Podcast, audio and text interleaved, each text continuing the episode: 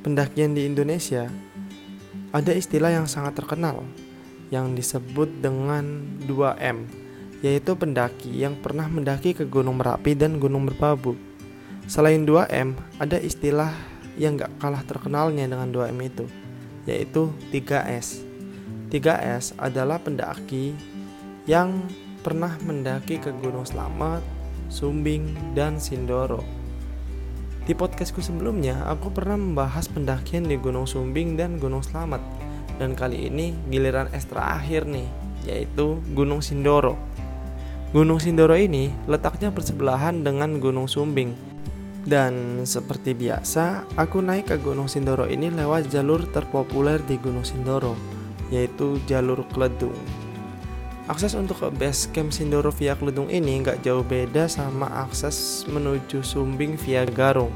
Bedanya nih, kalau misalkan Garung ini uh, kalian belok kanan kan. Nah, kalau misalkan ke Kledung itu kalian uh, lurus lagi, terus nanti di kiri jalan ada tulisannya kok base camp Sindoro via Kledung. Dan untuk informasi aja nih ya, Basecamp Sindoro via Kledung ini peraturannya itu ketat banget. Tapi ya menurutku itu malah bagus demi kebaikan bersama. Di sini, sebelum rombongan kita memulai pendakian, ada petugas dari basecamp yang mengecek barang-barang kita dan semuanya itu di didatain gitu sampai rokok sekalipun tuh didatain gitu sama mereka. Dan di sini sampah yang kalian nantinya dibawa turun harus sesuai dengan apa yang dicek oleh petugas. Gimana? Keren gak tuh? Ribet sih, tapi demi kebersihan gunung itu jauh lebih baik. Selain itu, di sini juga kita wajib membawa sleeping bag. Bagi kalian yang gak bawa atau mungkin ketinggalan, kalian diwajibkan untuk menyewa di situ. Nah, makanya sebelum melakukan pendakian, mari kita persiapkan peralatan serta perlengkapan kita setiap mendaki di gunung mana pun. Nah, setelah selesai dicek, kita langsung lanjut ke simaksi. Setelah simaksi beres, lanjut perjalanan. Eh, jangan lupa doa dulu sebelum berangkat. Hmm. Nah, bagi kalian kaum-kaum berduit, kalian bisa naik ojek nyampe ke pos ojek. Nah, pos ojek ini terletak di antara pos 1 dan pos 2. Dan buat kalian yang lebih memilih berolahraga biar dompet gak menipis, kalian tetap boleh jalan kok. Dari base camp ke pos 1 itu kita melewati perkebunan warga dengan jalan setapak bebatuan yang akan memakan waktu sekitar 30 sampai 45 menit. Nah, di pos 1 ini itu semacam ya tempat beristirahat kecil gitulah. Tempatnya ini uh, tempatnya ini uh, tempat dibelokan gitu. Jadi ya istirahat bentar aja terus lanjut ke pos 2 Menuju ke pos 2, kita akan melewati pos ojek. Dan di pos ojek ini terdapat warung.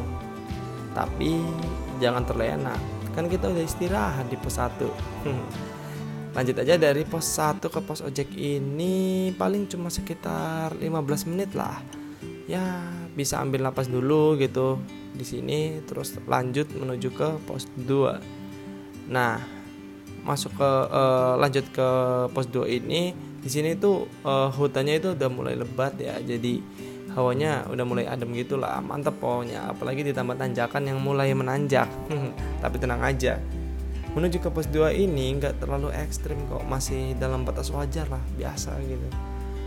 Nah sesampainya di pos 2 ini terdapat tempat beristirahat yang ya lumayan lah. Nggak sempit nggak luas juga sih. Tapi cukup enak gitu istirahat di sini. Saran sih jangan nyender soalnya rawan ketiduran. Nah, dari pos 1 ke pos 2 ini memerlukan waktu sekitar 1 sampai 1,5 jam perjalanan.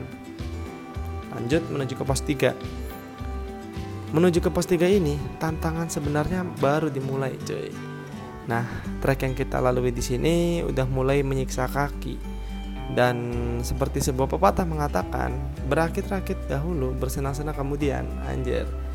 Di balik treknya yang mulai menggelitik kaki, pemandangan di sekitar kita mulai terbuka. Dan yap, lagi-lagi ini dia yang bikin kangen dari naik gunung.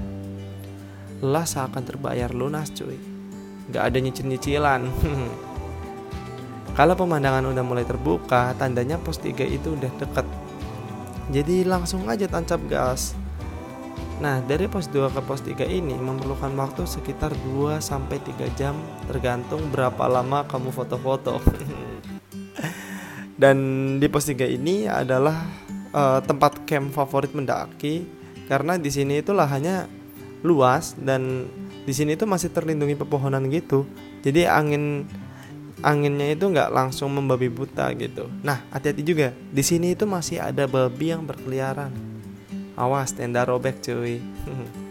Selain di pos 3, ada satu pos lagi yang menjadi favorit para pendaki dan jarak dari pos 3 menuju ke pos sunrise camp ini ya namanya ya.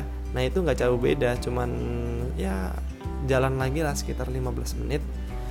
Cuman ya area di sana itu nggak dikelilingi pepohonan, jadi ya angin kencang itu rawan banget dan tapi pemandangan di sana itu lebih yahut. Yap, setelah beristirahat semalaman, lanjut summit attack. Dan spoiler aja nih ya, summit attack ke puncak Sindoro itu benar-benar gokil cuy. Menuju ke pos 4, trek yang kita lalui itu tanpa bonus alias nanjak terus. Ditambah medan treknya itu bebatuan gitu, jadi ya pergelangan kaki mulai nyilu gitu cuy Menuju ke pos 4, kita memerlukan waktu sekitar satu setengah sampai 2 jam perjalanan. Nah itu baru sampai pos 4 tuh. Dari pos 4 menuju ke puncak, trek yang akan kita lalui itu semakin naik cuy dan kemiringannya itu semakin miring gitu lah maunya. Dan trek dari pos 4 menuju ke puncak itu masih bebatuan. Cuman ya batunya udah gak segede-gede di perjalanan dari pos 3 menuju ke pos 4 sih cuman ya tetap aja udah mulai capek cuy.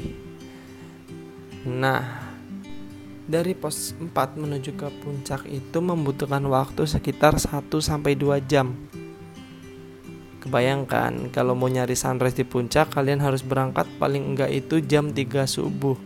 Tapi kalau nggak kekejar sunrise di puncak juga sunrise di pos 4 atau di sunrise camp gitu nggak kalah yahutnya sih. Tenang masih banyak spot foto sunrise.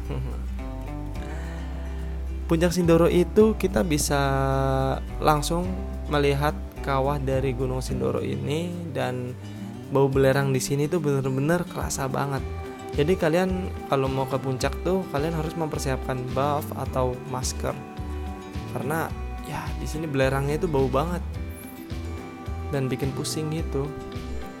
Dan itu aja yang bisa aku ceritain mengenai pendakian di Gunung Sindoro via Kledung.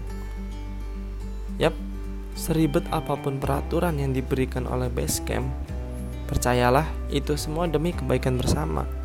Entah untuk kita sebagai pendaki dan untuk kelestarian gunung itu sendiri. Cukup sekian dan sampai jumpa di podcast selanjutnya.